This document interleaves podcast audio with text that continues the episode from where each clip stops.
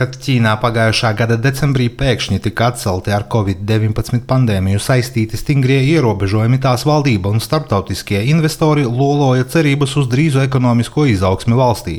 Taču iepriekš vērojamais optimisms par ekonomikas strauju atkopšanos atkal sāk izzust. Ķīnas ekonomikas atvesaļošanās, atstājot pandēmiju aiz muguras, neiet raiti. Stingru Covid-19 ierobežojumu dēļ Ķīnas ekonomika 2022. gadā pieauga tikai par 3%, kas ir viens no sliktākajiem rādītājiem pēdējo gadu desmitu laikā. Saskaņā ar Ķīnas valsts statistikas biroja datiem valsts iekšzemes koprodukts šogad otrajā ceturksnī salīdzinājumā ar aprīli-jūniju pērn palielinājies par 6,3%. Tādējādi reģistrēta lēnāka izaugsme nekā bija prognozēts. Ekonomisti bija lēsuši, ka aprīlī-jūnijā Ķīnas ekonomikas pieaugums būs 7,3%. Šā gada pirmajā ceturksnī Ķīnas ekonomika gada salīdzinājumā pieauga par 4,5%.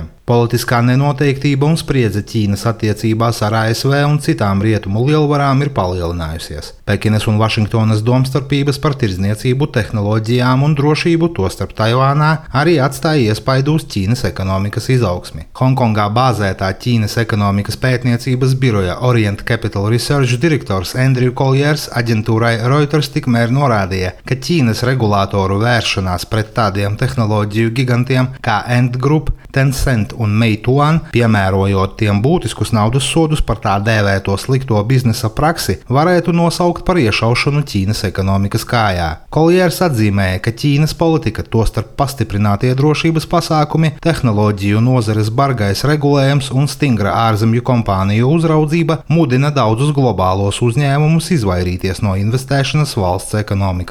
Līdz ar to Koljēra ieskatā Ķīnas regulātoru centieni piesaistīt ārvalstu investorus un kapitālu nevainagosies ar panākumiem. Koljēra sacīto arī apstiprina finanšu datu analīzes biroja Prekin rīcībā esošā informācija. Saskaņā ar biroja datiem ASV dolāros denominēto līdzekļu piesaista, ko veic uz Ķīnu orientēti riska kapitāla un privātā kapitāla fondi, šā gada pirmajā pusgadā norisinājās ļoti vājā tempā. Gada pirmajā pusē šiem fondiem izdevās piesaistīt finansējumu tikai 5,5 miljardu dolāru apmērā, kas ir krietni mazāk par 27,6 miljardiem dolāru, ko izdevās piesaistīt tajā pašā periodā 2021. gadā. Startautiskais valūtas fonds arī min Ķīnas vājos investīciju piesaistes rezultātus kā vienu no būtiskākajiem iemesliem ekonomikas izaugsmes buksēšanai. Turpina Startautiskā valūtas fonda pārstāve Džūlija Kozaka. When we look back to the April WIO, we were projecting expecting growth um, in China of 5.2%. Tātad, skatoties uz aprīļa mēnesi,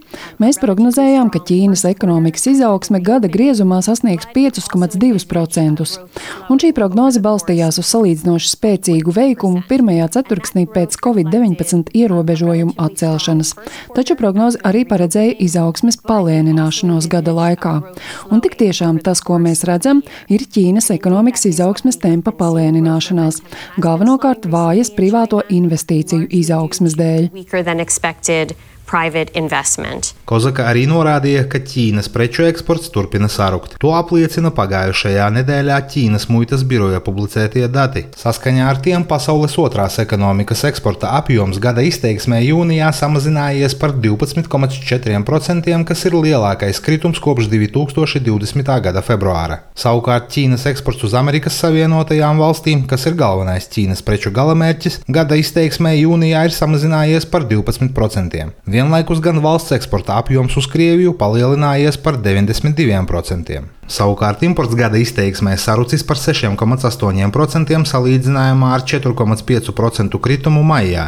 Tikmēr Ķīnas mazumtirdzniecības sektora apjomi jūnijā pieauga vien par 3,1% salīdzinājumā ar vairāk nekā 12% reģistrēto pieaugumu maijā. Domnīcas strateģisko un starptautisko studiju centra pētniece Cīņa Meija atzīmēja, ka Ķīnas patērētāji ir pesimistiski noskaņoti attiecībā uz pašreizējo ekonomisko situāciju valstī un nākotnes ekonomikas tendencēm. Tas liek viņiem izvairīties no lielu pirkumu veikšanas. Ķīnas iedzīvotāji labprātāk naudas līdzekļus iekrāj nevis tērē. Saskaņā ar Ķīnas centrālās bankas datiem šā gada pirmajā ceturksnī valsts iedzīvotāju iekrājumi pieauga vairāk nekā par diviem triljoniem juaņu salīdzinājumā salīdzinājumā ar tādu pašu laika periodu pērn. Pesimistisks noskaņojums arī valda Ķīnas jauniešu vidū. Saskaņā ar jūnija datiem jauniešu bezdarbs Ķīnā ir pieaudzis līdz rekorda augstam līmenim - 21,3%. Investīciju kompānijas ADM Investor Services vadošais ekonomists Marks Ostvalds sarunā ar ziņu aģentūru CGTN norādīja, ka tik liels jauniešu bezdarbs skaidrojams ar to, ka Ķīnas universitāšu absolventu prasmes neatbilst tām, kas nepieciešamas darba devējiem.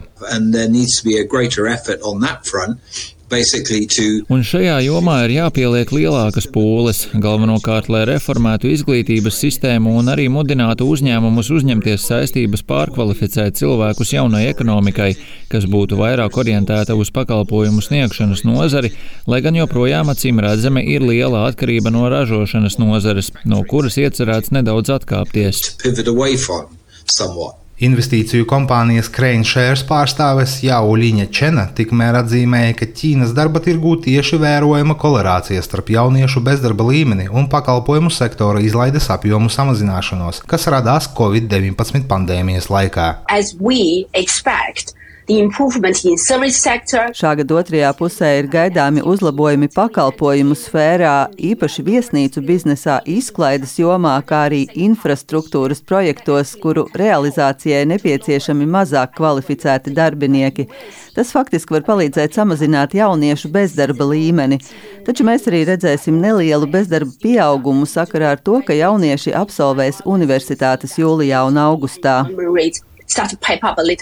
Ķīnas nekustamo īpašumu nozarē, kas veido aptuveni ceturto daļu no valsts ekonomikas, arī ir vērojama stabila lejupslīde, neskatoties uz virkni iepriekš valdības veiktajiem stimulācijas pasākumiem.